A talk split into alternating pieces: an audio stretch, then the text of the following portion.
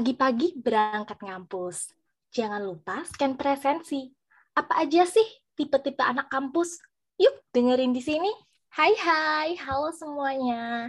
Kembali lagi bersama kita di Chess. Gimana kabarnya nih teman-teman? Semoga semuanya tetap berjalan dengan baik dan lancar ya. Amin. Pertama-tama lewat Cicas ini, aku mau ngucapin selamat dan semangat berjuang buat teman-teman semua yang sedang menjalani semester 3, 5, apalagi 7 ya.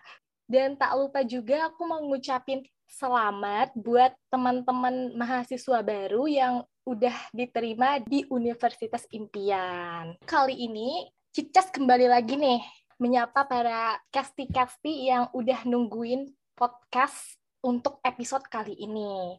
Nah, kali ini Cicas akan membawakan topik yang ringan-ringan berat gitu ya. Jadi langsung aja biar nggak pada kepo lagi, topik kali ini yaitu tentang tipe-tipe anak kampus nih teman-teman. Kalau kita lihat nih ya, teman-teman kita di kampus tuh beragam. Ada yang kuliah di sambil kerja, ada yang kuliah sambil sibuk ke sana sini huru hara kerja rodi di organisasi, dan ada juga nih tipe anak kampus yang habis kuliah, eh langsung nggak kelihatan batang hidungnya. Wah, sepertinya menarik nih ya kalau kita bahas. Kali ini tentunya aku nggak sendiri. Di sini aku ditemenin sama dua narasumber kece kita, yaitu ada Kak Dayanu dan Kak Yasmin. Saya hai dulu nih, Kak. Halo, Mbak. Halo. Halo, halo. Oh iya, kenalin juga aku tuh Yani yang bakal jadi podcaster untuk malam ini. Jadi narasumber malam ini tuh kan ada Kak Yasmin sama Kak Dayanu nih. Kak Yasmin sama Kak Dayanu ini cukup terkenal loh. Menurut survei yang udah kulakukan, emang terkenal. Soalnya kalau misalnya Kak Yasmin nih, kalau ada event-event gitu, pasti mukanya tuh muncul di mana-mana gitu. Terus kalau misalnya ini nggak sih, eh, menjelang-menjelang mau ujian gitu, pasti nama Kak Dayanu tuh disebut di mana-mana. Atau kayak lagi ini yang eh, sekarang tuh kan lagi musim-musimnya lomba gitu, pasti nama Kak Dayanu itu juga disebut di mana-mana. Kak Yasmin sama Kak Dayanu yang mungkin udah kita spill juga sama teman-teman Cicas yang lain. Jadi kita mau ngomongin tentang tipe mahasiswa. Tapi kalau misalnya untuk episode kali ini kita bakalan lebih spesifik membahas tentang tipe yang kupu-kupu dan kura-kura. Kupu-kupu tuh kuliah pulang, kuliah pulang, terus kura-kura itu kuliah rapat, kuliah rapat. Nah, kalau misalnya Kak Dayanu sama Kak Yasmin nih, kita sepemahaman nggak sih ini tentang kupu-kupu dan kura-kura atau emang ada singkatan yang lain nih? Mungkin dari Kak Yasmin gimana? Kayaknya emang dua itu aja yang terkenal. Kalau Kak Dayanu gimana? Hmm, paling sama sih. Nah, tapi ini nggak sih kalau misalnya kita tuh udah ngomongin tentang dua tipe yang agak kontroversial ini, aku nggak tahu ya kenapa. Tapi stereotip orang-orang untuk kupu-kupu dan kura-kura ini tuh pasti beda jauh. Kupu-kupu tuh pasti dianggap, uh, wah apaan sih, uh, kok kuliah nggak ngapa-ngapain. Maksudnya kayak stereotip masyarakat tuh udah negatif gitu. Tapi kebalikannya kalau misalnya si kura-kura, itu pasti orang-orang itu pada uh, bilang kayak wah dia ikut ini ikut itu maksimal banget nih kuliahnya. Tapi menurutku ya ini tuh salah sih. Soalnya mereka nah, tuh cuma ngelihat iya mereka tuh cuma ngelihat dari satu sisi gitu. Kalau misalnya menurut Kak Dayanu sendiri nih dulu nih aku mau dengar pendapat dari yang cowok dulu iya gimana sih tentang pandangan orang terhadap kupu-kupu dan kura-kura itu? Jadi mungkin seperti yang Mbak bilang tadi ya, di mana mungkin kalau istilah kupu-kupu itu udah di biasanya udah distereotipkan sebagai hal yang negatif gitu kan, di mana itu hanya dilakukan oleh sekumpulan mahasiswa-mahasiswa yang hanya kuliah terus habis itu pulang gitu. Sementara kalau yang satunya lagi kerjanya, wah ini hebat nih, dia ikut organ, dia ikut kegiatan ini terus. Oh habis itu dia nyambi di sini juga. Wah hebat ya. Dia bisa ngatur banyak waktunya gitu. Nah tapi sebenarnya menurutku ini stereotip yang agak anu sih. Karena menurutku sendiri sebenarnya kupu-kupu ini terbagi menjadi dua lagi. Ada yang literally kupu-kupu murni, di mana hanya benar-benar kuliah pulang, kuliah pulang. Tipikal yang satunya ini yang lebih positif gitu.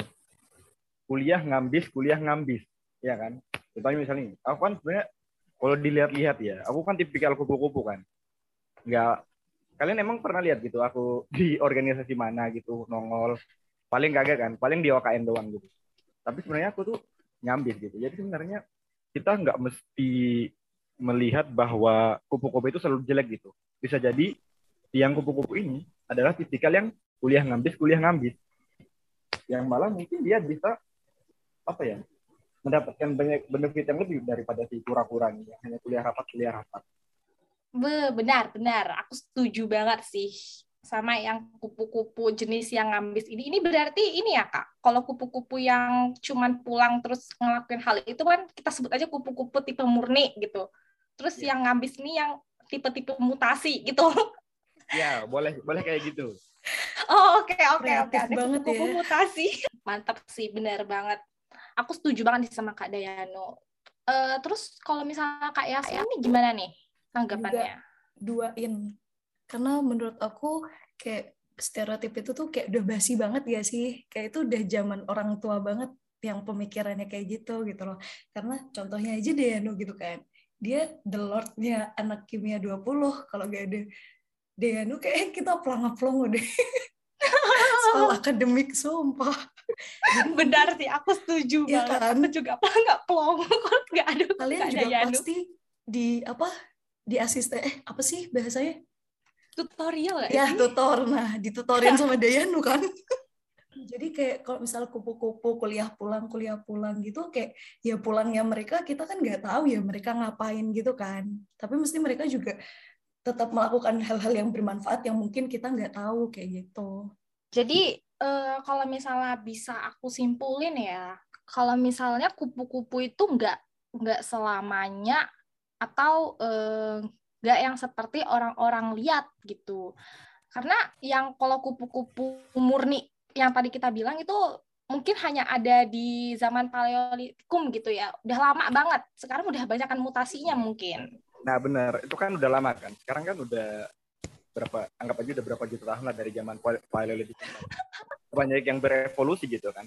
Oh iya benar. Kupu-kupunya berevolusi guys. Oh iya oh iya ini juga nih. Kan kalau misalnya si kupu-kupu tadi kan seperti yang kayak Yasmin bilang kan kita nggak tahu ya ngelak dia tuh ngelakuin kegiatan apa gitu setelah kuliah. Tapi kan kalau misalnya yang si kura-kura ini kan kita udah pasti tahu ya. Namanya juga rapat-rapat gitu. Pasti ya habis kelas rapat, pertengahan kelas rapat, di tengah kelas ngechat juga rapat gitu. Jadi kalau secara umum mungkin perbedaan tentang si kupu-kupu dan kura-kura ini di kegiatannya, kegiatan kampusnya. Nah, jadi mumpung lagi ngebahas kegiatan kampus nih, uh, aku tuh penasaran. Kayak Yasmin dulu deh mungkin. Kegiatan kampusnya sekarang ngapain aja sih, Kak? Aku ngapain ya? kalau organisasi aku cuma ikut hima sama BEM sih, BEM fakultas. Oh, kalau kepanitiaan? kepanitiaan aku ikut FGM udah itu aja bener kan emang orang sibuk gitu loh kalau misalnya Kak Dayanu nih kegiatannya sekarang ngapain oh iya aku sekarang tuh paling cuman itu sih OKN doang sih yang sekarang yang, yang jadi fokus utamanya aku nyari aja gitu uh, kepanitiaan atau yang benar-benar itu relevan dengan basic skillku oh ya udah ketemu lah OKN ini kalau organisasi ini nggak ada nih kan kak. Terus kalau lomba-lomba tuh gimana nih? Nah, kalau lomba-lomba tuh aku dari tahun lalu. Lalu tuh udah ikutan MIPA. KN MIPA nih kak? Iya. Wow. Aku tuh biasanya ngajar. Oh, tutoring gitu kak? Iya. Wah. Wow, wow, wow, wow, wow. Keren banget, sumpah. Ini berarti kayaknya eh, Kak Dayani juga hampir sama sibuknya dengan Kak Yasmin yang ikut organisasi mulu ya, apalagi tadi udah lomba, terus habis itu ngajar, olim lagi di luar kampus gitu. Uh, mungkin dari Kak Yasmin dulu nih, kan tadi kakak bilang tuh udah kepanitiaan, terus organisasi juga, itu pasti kayak tiap minggu pasti ada rapat gak sih? Nah itu Kak Yasmin pernah gak sih ngerasa kayak, capek gitu loh rapat mulu rapat mulu gitu Kalau belum lagi kadang rapatnya nggak se- nggak sesuai jadwalnya Iya. Kalau capek pasti sih ya. Kayaknya semua semua orang yang ikut organisasi kayak gitu juga pasti tetap pernah ada di fase itu sih kalau menurut gue. Tapi mungkin balik lagi ke pribadinya juga ya, kayak eh, dia punya komit apa di situ gitu loh, targetnya apa. Jadi kalaupun capek ya, kalau misalnya dia tetap megang komit sama targetnya dia sih, ya tetap bisa jalan aja sih. oh berarti kalau misalnya yang senangkepku nih ya kak sebenarnya kakak tuh capek cuman ada motivasinya gitu Betul. kenapa ikut organisasi itu jadi tetap Iya. bertahan sampai sekarang walaupun sibuknya bukan main Benar. Soalnya kalau akademiknya zong, masa iya yang lainnya juga zong gitu kan? Apa yang mau dibanggain gitu? waduh Nah, setuju aku kata Yasmin. kalau misalnya Kak Dayanu sendiri nih, tadi kan udah disinggung juga nih, kalau misalnya eh, nggak disinggung sih, emang kita udah bahas sih, kan kakak tuh nggak ada ikut organisasi kan. Tapi kan eh, ini kan Kak Dayanu ini kan udah tahun ketiga ya, maksudnya kan pasti tahun pertama tuh eh, teman-teman sangkatan pada ikut organisasi, terus tahun kedua juga mungkin teman-teman sangkatan juga masih riuh-riuh mau ikut organisasi baru, mau join lagi lebih banyak, mau tukar organisasi gitu. Nah, Kak Dayanu sendiri itu pernah nggak sih ngerasa kayak eh, rasa penyesalan gitu, kalau misalnya nggak ikut organisasi tahun lalu atau enggak pas eh, baru maba gitu? Eh, tentu saja itu ya Mbak, nyesal ya. Karena ketika jadi mahasiswa itu kalau bisa minimal pernah lah ngalamin yang namanya organisasi kan. Karena benefit yang didapatkan banyak gitu kan. Entah pengalaman atau koneksi atau dasar-dasar skill, skill berorganisasi itu kayak gimana. Ya, jadi tentu saja waktu itu aku rada-rada nyesel. Tipikal yang kalau udah lewat ya ya udahlah, gak usah terlalu dipikirin. Misal nggak akan membuat aku mendapatkan skill-skill organisasi itu kan. Mungkin paling bisa jadi pelajaran aja gitu buat yang dengerin podcast ini. Tidaknya pernah lah ngikut satu kali. Minimal. Terus kalau misalnya gabut gitu Kak, pernah ngerasa gabut gitu. Kalau yang lain kan sibuk banget tuh sampai malam kadang pergi nih yang kura-kura tuh. Kalau misalnya Kak Dayanu kan eh, nggak ikut organisasi, pernah ngerasa gabut nggak? Kalau gabut mungkin pernah, tapi ya nggak sesering itu juga kan. Karena ya tadi golongan apa kupu-kupu yang udah berevolusi ini ya kerjanya kalau nggak itu ya itu mengasah potensi. Ya Hmm. tadi itu kan. Misalnya kalau kayak aku nih, aku tuh kemarin eh, pas libur nggak ngapa-ngapain, ya ikut organisasi apa ya udah aku nyam- nyambes gitu kan. Aku baca adkin, dunia fisik, entah kenapa selesai sampai bab satu sampai bab 10 terus lompat bab lima bab terakhir gitu Aduh, itu itu sekali baca langsung langsung sebanyak itu bab ya. Wow. agak lah paling sehari dua bab Oke, jadi ini tergantung teman-teman lagi ya. Mungkin buat teman-teman yang belum ikut organisasi dan mungkin ngerasa gabut, eh, pasti bisa mengisi kegabutannya itu dengan eh, pengen skill apa gitu. Karena tiap orang pasti beda-beda ya mau skill apa yang didapetin selama kuliah. Nah, oke, karena kita udah ngebahas tentang skill nih. Kalau misalnya mahasiswa itu pasti pengennya itu selama empat tahun kuliah itu punya skill sebanyak-banyaknya. Itu pasti dong. Nah, terus kalau misalnya untuk menambah skill, itu pasti yang aku tahu ya, yang aku tahu itu pilihannya itu ada dua. Ya, yang pertama kita ikut organisasi, terus nyari skill di sana. Eh, terus kalau misalnya yang kedua, ya eh, menurutku gitu nyari skillnya itu otodidak tapi mungkin skillnya bisa sama bisa beda sih. Tergantung masing-masing eh, orangnya lagi. Kalau misalnya nih eh, aku mau nanya ke Kak Yasmin deh.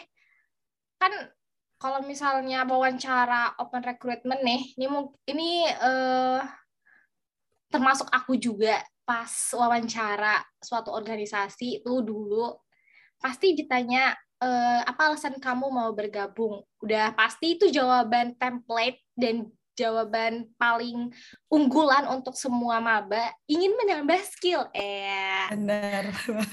Benar benar. Yang buat semua manusia di muka bumi kan iya ini nggak organisasi lagi sih. Mungkin kepanitiaan juga sih. Pasti itu jawaban yang menurutku kalau kita mau diterima itu kita jawab itu deh. Kalau bingung mau jawab apa jawab itu aja. Pengen nambah skill nah tapi kan kalau di organisasi itu kan kayak yang tadi juga Kak Dayanu singgung tuh banyak divisinya gitu dan belum tentu kan divisi itu kan juga bakal ngelakuin program kerja program kerja yang sesuai dengan skill yang kita mau gitu. Tapi kan nggak menutup kemungkinan juga kita eh, kita punya skill yang dimiliki sama divisi lain.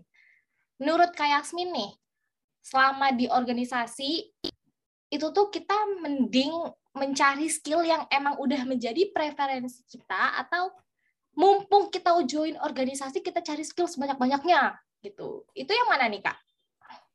Oke, kalau aku tuh dulu pernah ngebahas ini juga sama temanku dan itu panjang banget sih. Tapi karena oh. kita podcast bukan kuliah 3 SKS ya. Waduh, sampai 3 SKS.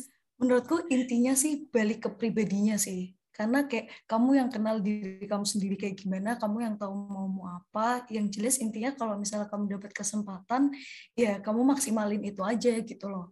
Karena kan kalaupun kamu misal mendapatkan hal lain yang di luar apa yang kamu targetin yaitu bonus gitu tapi intinya ya kamu bisa maksimalin apa yang ada di depanmu sekarang kayak gitu sih kalau menurutku Oke, kalau Kak Yasmin nih, kira-kira selama gabung organisasi, Kak Yasmin ini tahun ketiga kan Kak? Udah tua ya? Aku, Aduh. Eh, tahun ke berapa sih aku? Tiga, tiga. udah mahasiswa agak tua. Yeah. Waduh, udah pikun nih. Saking sibuknya rapat tiap hari. Nggak ya, udah tahun ketiga. Waduh, waduh. Aduh.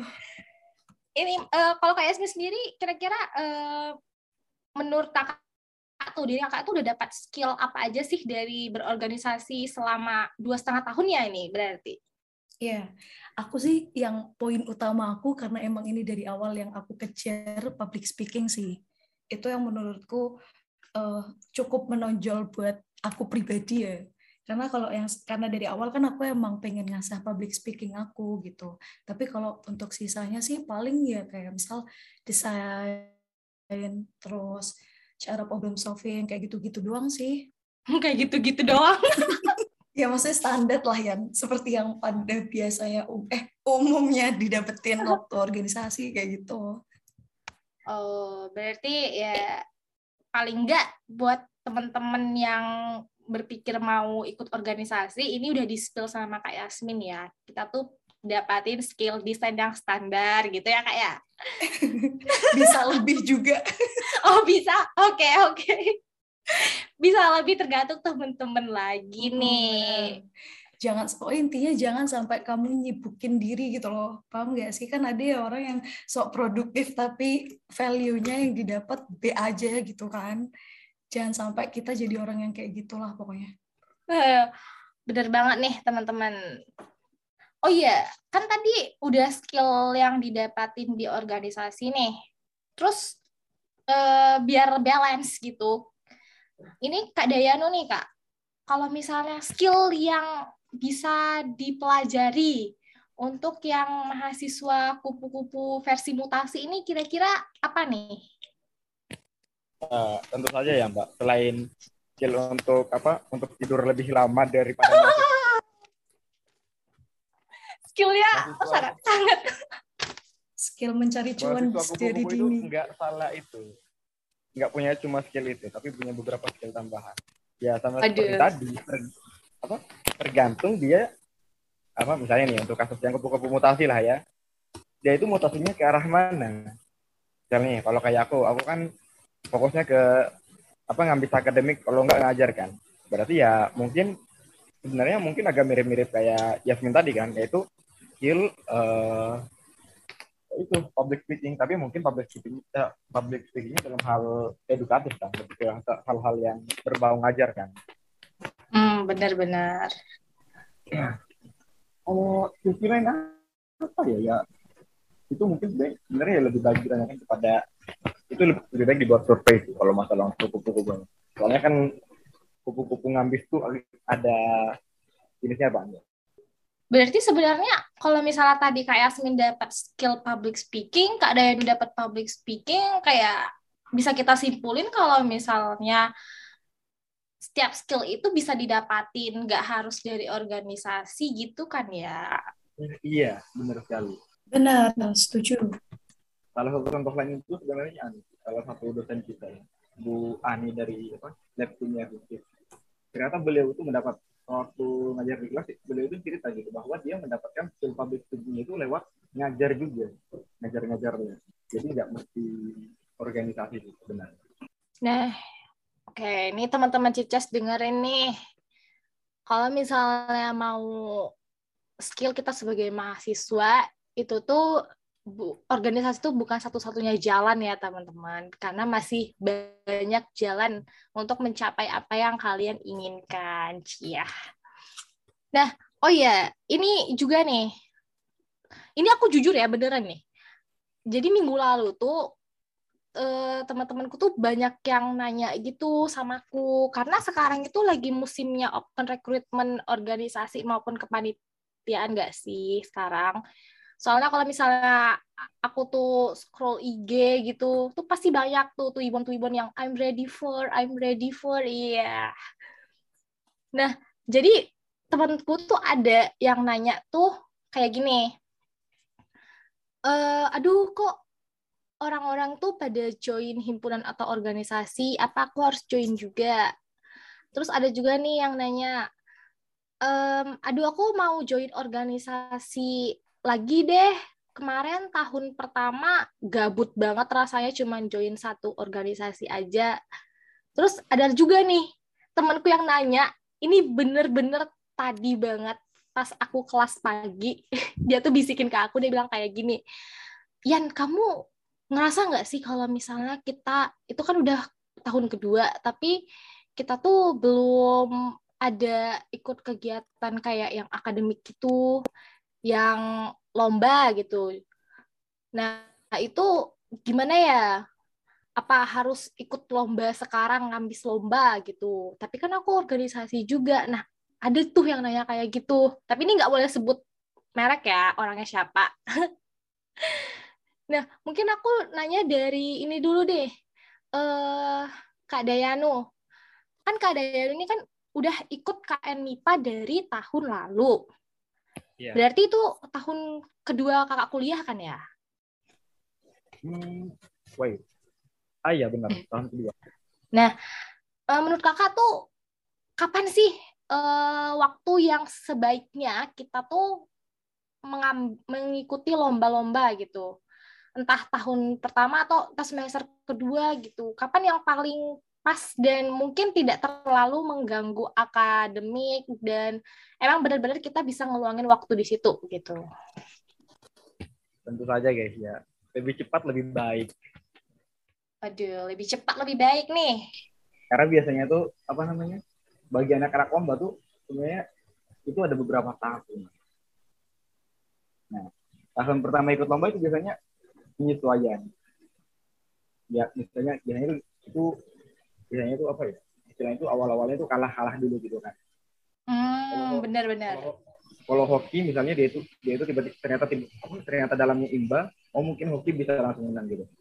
Nah tapi kalau bagi yang tidak hoki mereka bisa menyusun strategi baru nih buat tahun ke depannya. Jadi sebenarnya gimana ya? Jangan nunda-nunda lah kalau untuk lomba mumpung uh, sebenarnya syaratnya itu enggak dari dari organisasi kan. Ya tinggal daftar aja lakuin apa yang diminta lombanya udah. Apa? Simpel gitu. Semakin cepat dicoba itu semakin baik. Oke berarti kalau misalnya kita udah baru masuk semester satu juga gas-gas aja dong ya kan kak lomba? Ya, ya, apalagi kalau yang itu kan kalau yang PKM kan kalau yang PKM kan hmm. yang ketua timnya gitu. Kan. atau lomba-lomba karya tulis lain lah. Biasanya ketua timnya itu dari cutting-cutting atas ya itu kalau bisa itu sangat sangat sangat disarankan itu dari tahun pertama kalau enggak tahun kedua maksimal Oke, jadi kesimpulannya ini ya teman-teman. Kalau misalnya mau ikut lomba tuh nggak ada waktu terbaiknya karena lebih cepat lebih baik.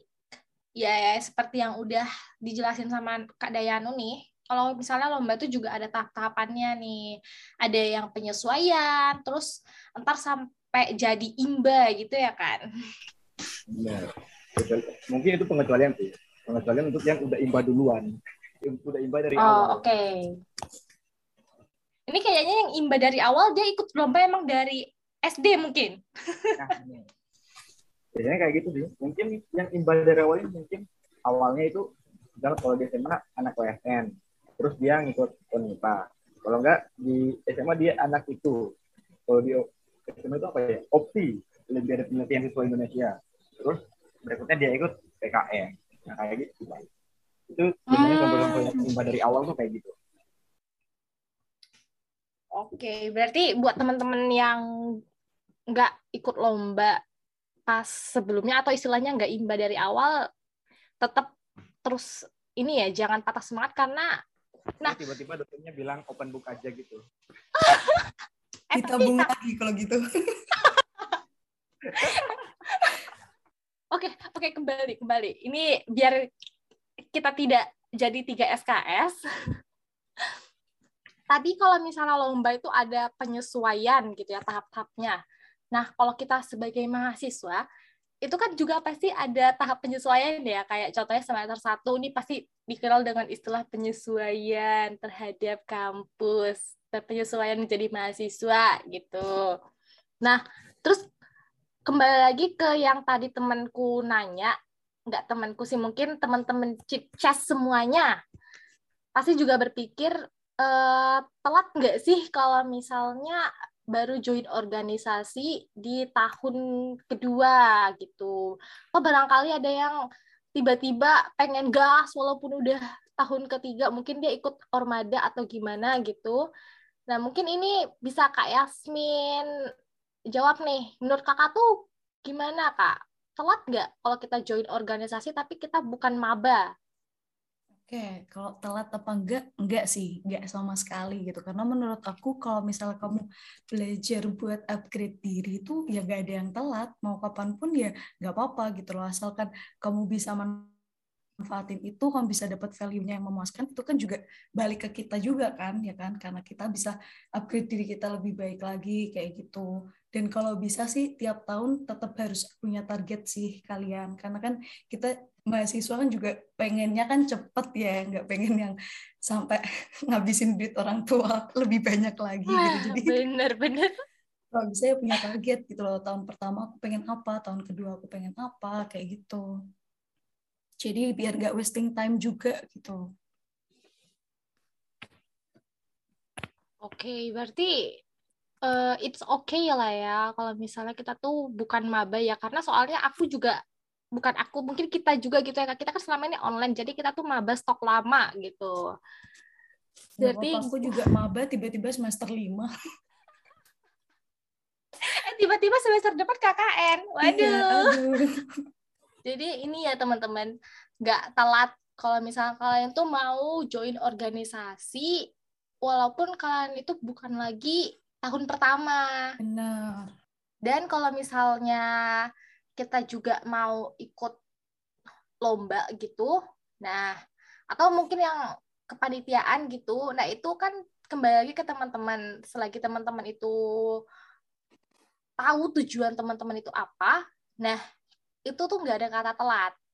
Nah sekarang tapi yang jadi pertanyaannya nih kita tuh harus ikut lomba yang kayak mana atau ikut organisasi yang apa? Karena jujur ya lomba kan berseliweran gitu di mana-mana di online maupun offline. Dan organisasi juga nih.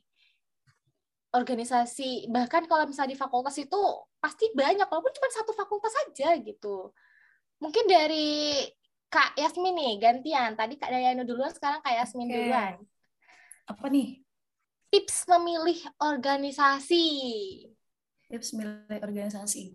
Kalau menurutku sebenarnya semua tempat tuh nggak ada yang lebih baik atau yang lebih buruk gitu ya. Dibalik lagi prefer ke kaliannya kayak gitu. Dan kalau menurut aku karena organisasi sama himpunan ini long term ya, kayak jangka panjang gitu loh. Beda kan sama Iya. kepanitiaan ya kan? Benar-benar. Nah, intinya kalian harus pegang kuat target sama komit kalian sih itu. Terus kalau misalnya buat lomba sih, menurut aku ya itu preference kalian. Kayak aku suruh ikut on MIPA, nggak mungkin lah ya. Jangan merendahkan. Aku nggak kuat lah otak aku. Jadi kalau misalnya, kalau aku tuh kemarin sempat ikut PKM kan, itu pun juga aku sampai sekarang masih denial gitu loh yang kayak, ah aku ikut gitu. Orang-orang di sekitarku juga yang kayak nggak percaya gitu loh. Cuman aku juga nggak tahu nih rezeki Tuhan kali ya. Jadi kayak ya udah digampangin aja gitu loh sampai detik ini alhamdulillahnya.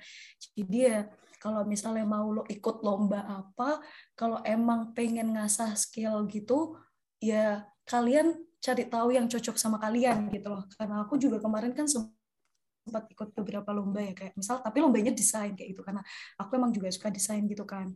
Nah itu aku juga ikut beberapa meskipun kalah tapi udah nggak apa-apa gitu, pede aja.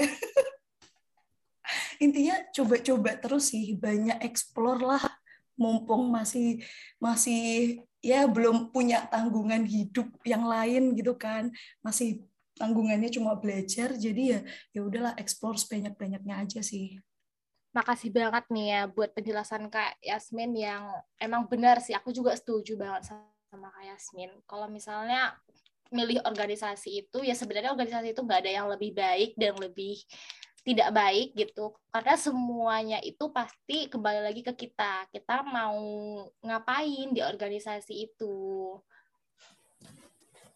Nah, karena tadi udah tips memilih organisasi, sekarang kita mau nanya ke Kak Dayanu nih.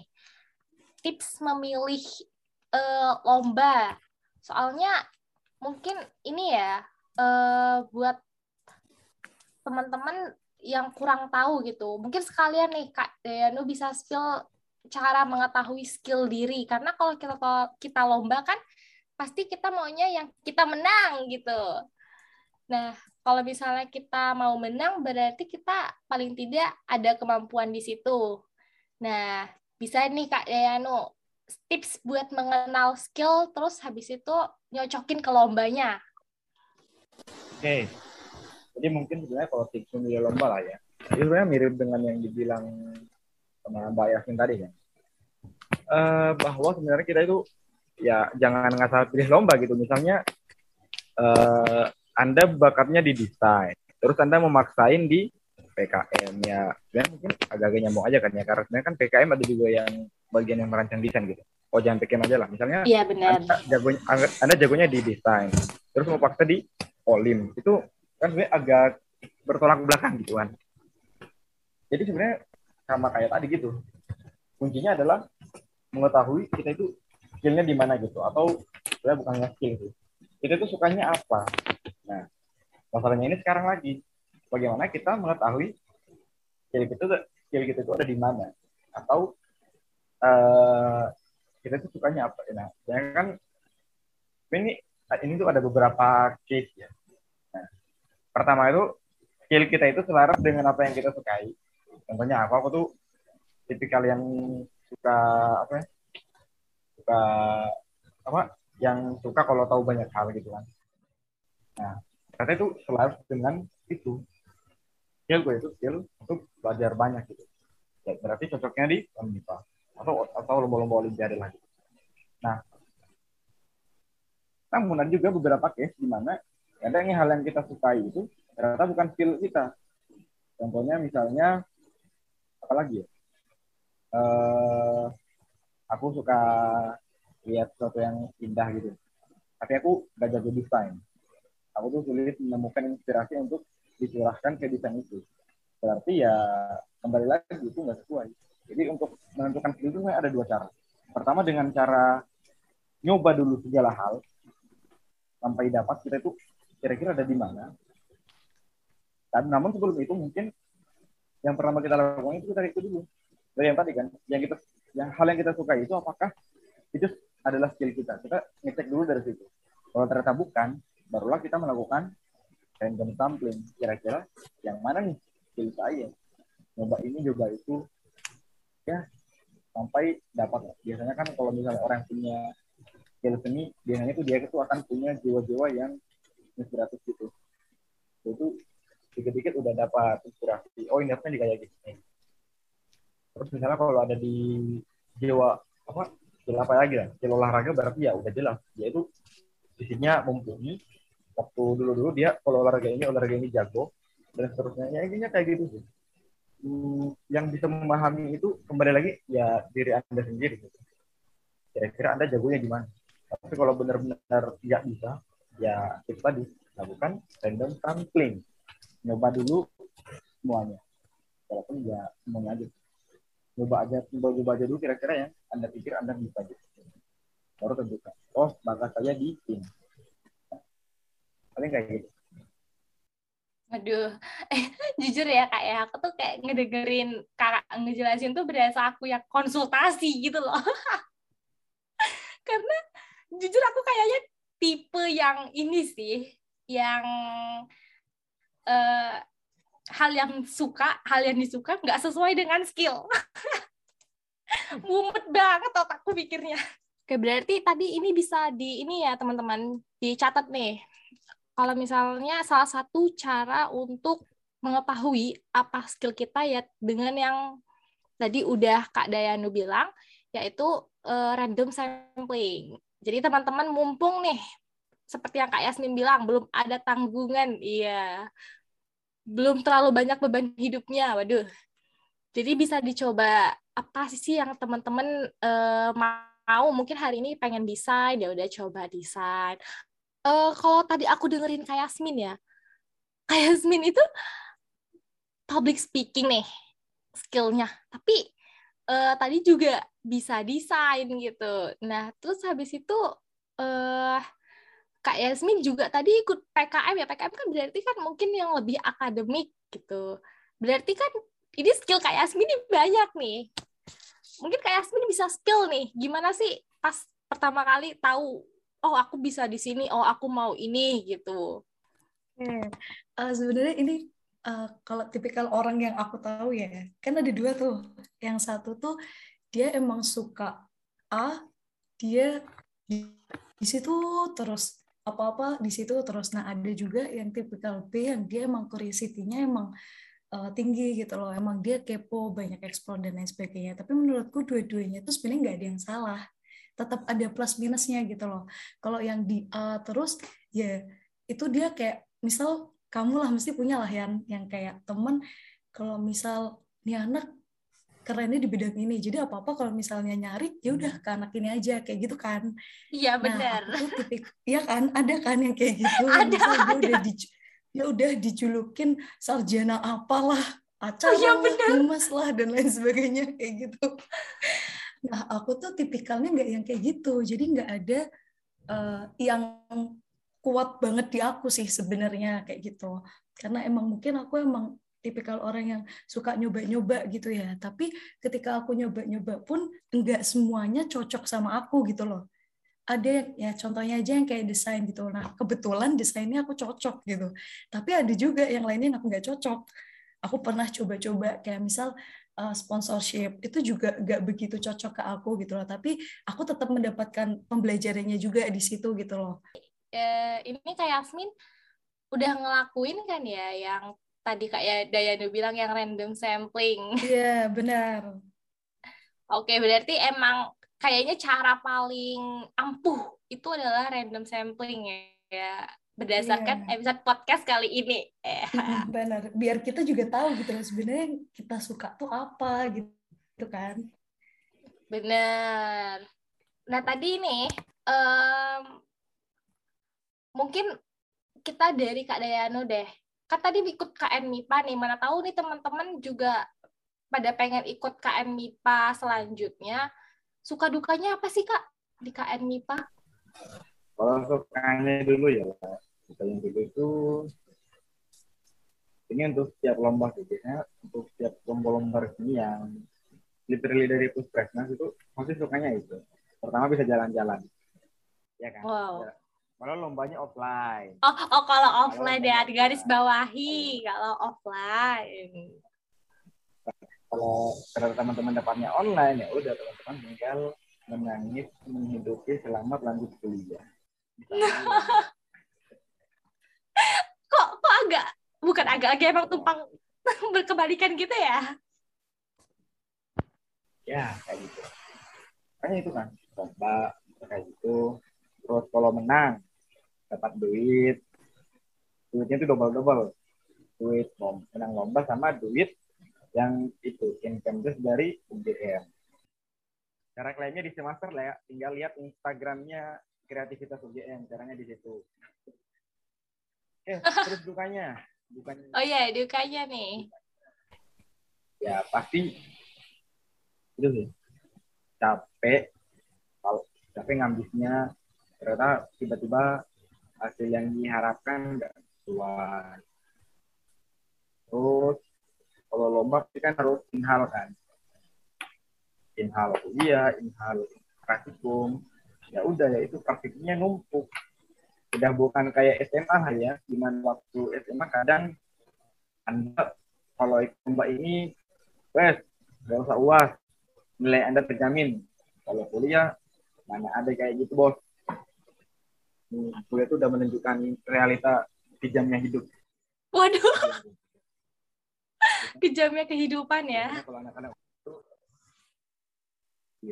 biasanya kalau anak anak lomba SMA itu biasanya itu sangat mengenal yang namanya dispen benar benar aku aku dulu tuh jujur aja nggak ikut uas semester kelas kelas sebelas tiba-tiba kok nilaiku tertinggi kedua di kelas Waduh. Ya, tapi beda kuliah. Kuliah ya itu. Anda harus mengorbankan kuliah, mengorbankan nilai, mengorbankan lapar yang nantinya pasti harus dibutuhkan, harus disusulan kan, terutama praktikum. Nah, itu kan jadi beban tersendiri. Apalagi kalau Anda udah kalah dan harus tambah beban yang tadi itu. Nah, itu sih dukanya di situ. Itu kalau sukanya ya itu. Nah, ya udah agar nggak mengalami duka itu, Anda harus serius atau fokus di yang Anda tekuni. Biar kalau lombanya semoga dapat senangnya. Nah, kayak gitu. Ini teman-teman uh, ini ya bisa dijadikan salah satu referensi kalau misalnya mau ikut lomba, mau mengambil di sana, suka dukanya tuh seperti yang tadi dibilangin. Jadi bisa diminimalisir mungkin risikonya dari sekarang, diatur strateginya gitu. Nah, karena tadi udah suka duka lomba, mungkin biar Afdol itu juga nanya nih, suka duka ikut organisasi itu apa sih? Gimana nih Kak Yasmin? Sukanya dulu apa dukanya dulu nih? Uh, bebas sih Kak Yasmin pengennya teman-teman cicet nih denger yang mana dulu? Yang jelek dulu kali ya. Oke. okay. Kalau dukanya yang jelas kamu ngelaprak sambil rapat itu udah pasti sih. Itu udah mutlak nggak bisa diganggu gugat. Kamu harus ngelaprak deadline juga apalagi yang semester lima ini kan juga dua ya lapraknya jadi ya udah selagi ada waktu pokoknya ngelaprak aja lah pokoknya. Nah itu yang pertama. Terus yang kedua mungkin juga waktunya juga kesita gitu ya. Apalagi kalau misalnya udah mepet-mepet ada proker kayak gitu. Jadi biasanya udah hektik-hektiknya. Jadi pinter-pinternya bagi waktu aja sih kalau itu. Terus juga waktu tidurnya juga pasti berkurang juga gitu. Terus habis itu kalau uh, sukanya banyak banget sih sebenarnya sukanya. Terbilang dari soft skillnya ya. Terus juga kamu juga dapetin relasi baru teman baru juga keluarga baru gitu. Jadi apa-apa juga. Ya kalaupun kalian homesick di sini gitu kalian punya orang barulah buat menggantikan orang-orang di rumah sana gitu. Terus juga uh, ini sih aku yang paling menurutku ini banget kalau misalnya kita udah suka di tempat itu kayak ngerasanya tuh ya meskipun capek tapi tetap senang gitu loh kayak misal aku ikut kegiatan sosial gitu meskipun capek tapi ketika aku udah ketemu sama orang lain aku udah ketemu sama orang baru bisa ngasih sesuatu yang bermanfaat buat orang itu bisa jadi motivasi baru juga buat aku gitu loh. Jadi aku punya semangat baru juga di situ. Jadi ada motivasi lain lah di diri aku yang ketika aku berorganisasi atau aku ikut himpunan nih bisa aku dapetin kayak gitu. Itu sih. Oke, ini uh, mungkin satu pertanyaan terakhir lagi nih ya. Ya, mungkin terakhir sih. Aduh, kayak Yasmin nggak ngelaprak. Oh iya, makasih loh diingetin. Ah, oke. Okay. Nah, ini nih pesan untuk sobat Kesti yang masih bingung atau yang sudah mematapkan diri untuk menjadi kura-kura atau kupu-kupu gitu. Mungkin dari Kak Dayana dulu nih, pesannya buat sobat Kesti apa nih? Jadi pesanku buat sobat-sobat kupu-kupu yang evolusi, pokoknya teman-teman itu fokus aja gitu dengan apa yang teman-teman apa teman-teman pilih nggak usah terlalu banyak pikiran aduh orang lain kayak keren banget ya ambil ngambil sini ngambil itu organisasi ini sana situ. Pokoknya teman-teman uh, fokus aja ke apa yang teman-teman fokus lomba lah ya. Teman-teman fokus di situ kejar baik-baik uh, supaya nanti apa hasilnya paling baik juga. Karena kalau misalnya teman-teman nih udah fokus itu udah dapat yang terbaik ya udah teman-teman tahun kedua tinggal nyoba hal baru. Contohnya yang tadi organisasi yang tadi kita paling nanti kalau bisa ikutlah organisasi walaupun cuma satu. Kalau mungkin teman-teman udah yang tipikal yang kayak aku banget gitu yang literally mager organisasi ya ikut kepanitiaan aja lah. Yang jangka waktunya lebih singkat. Supaya setidaknya teman-teman tahu gitu rasanya kayak gimana. Oke kayak gitu sih dari aku Oke, makasih Kak Dayanu. Selanjutnya Kak Yasmin nih, pesannya buat Sobat Kesti apa nih? Oke, aku setuju banget sih apa yang tadi dia ngomongin gitu. Kayak kura-kura sama kupu-kupu tuh pilihan, tapi nggak ada yang lebih baik gitu loh. Semuanya baik juga gitu, tergantung sama pribadi kita masing-masing. Kita tahu fokus kita mau apa, target kita apa, ya udah maksimalin aja itu gitu loh. Jangan terlalu fokus sama orang-orang di sekitar kita gitu loh. Jangan fomo-fomoan kayak ya udah fokus aja sama diri kamu sendiri, kamu pengennya apa, ya udah lakuin aja itu selagi bermanfaat, guys pokoknya. Wah, tiba-tiba udah satu jam ya. Iya. Waduh. Wow. Teman-teman Cicas juga pasti udah dapat gambaran tentang ke depannya mau gimana pastinya. Nah, karena udah sampai sejauh ini, aku rasa cukup kali ya bahasan kita. Nah, makasih banget buat dua narasumber kece kita, ya Kak Yasmin dan Kak Dayanu. Waduh, Nah, makasih juga nih buat teman-teman Cices yang udah stay dengerin kita dari awal sampai akhir. Karena tadi aku mulai dengan pantun, jadi biar afdol, aku akan tutup juga menggunakan pantun dong. Minggu ini ikut lomba KTI. Cakep. Minggu depan harus jadi panitia. Cakep.